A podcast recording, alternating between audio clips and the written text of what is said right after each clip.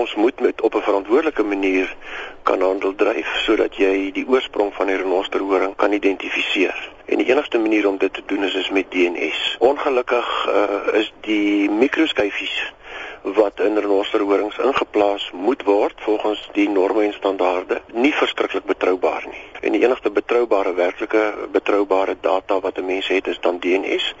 Uh, en daarvoor dis 'n baie baie sinvolle ding en dit dis hoekom ons die geld insamel en dit gee vir ons 'n plek waar jy die geld gaan. Daar is dan soveel mense wat geld insamel vir renosters en uh, anti-stropingsveldtogte, maar hoe hoe bepaal jy wat se een is een om te kies? Daar's soveel mense en soveel instansies wat geld insamel wat 'n mens nooit weet waarheen dit gaan nie en dit het ons 'n ruk gevat om seker te maak dat as ons met lede se geld te werk gaan rondom renosters dat ons 'n seker plek het waar ons dit kan kan verwys of dan stuur en gee dat ons weet dat dit werk ordentlik. Elke sent wat die vereniging insamel vir die in die Rhinos Alive projek gaan vir die veterinêre genetiese laboratorium.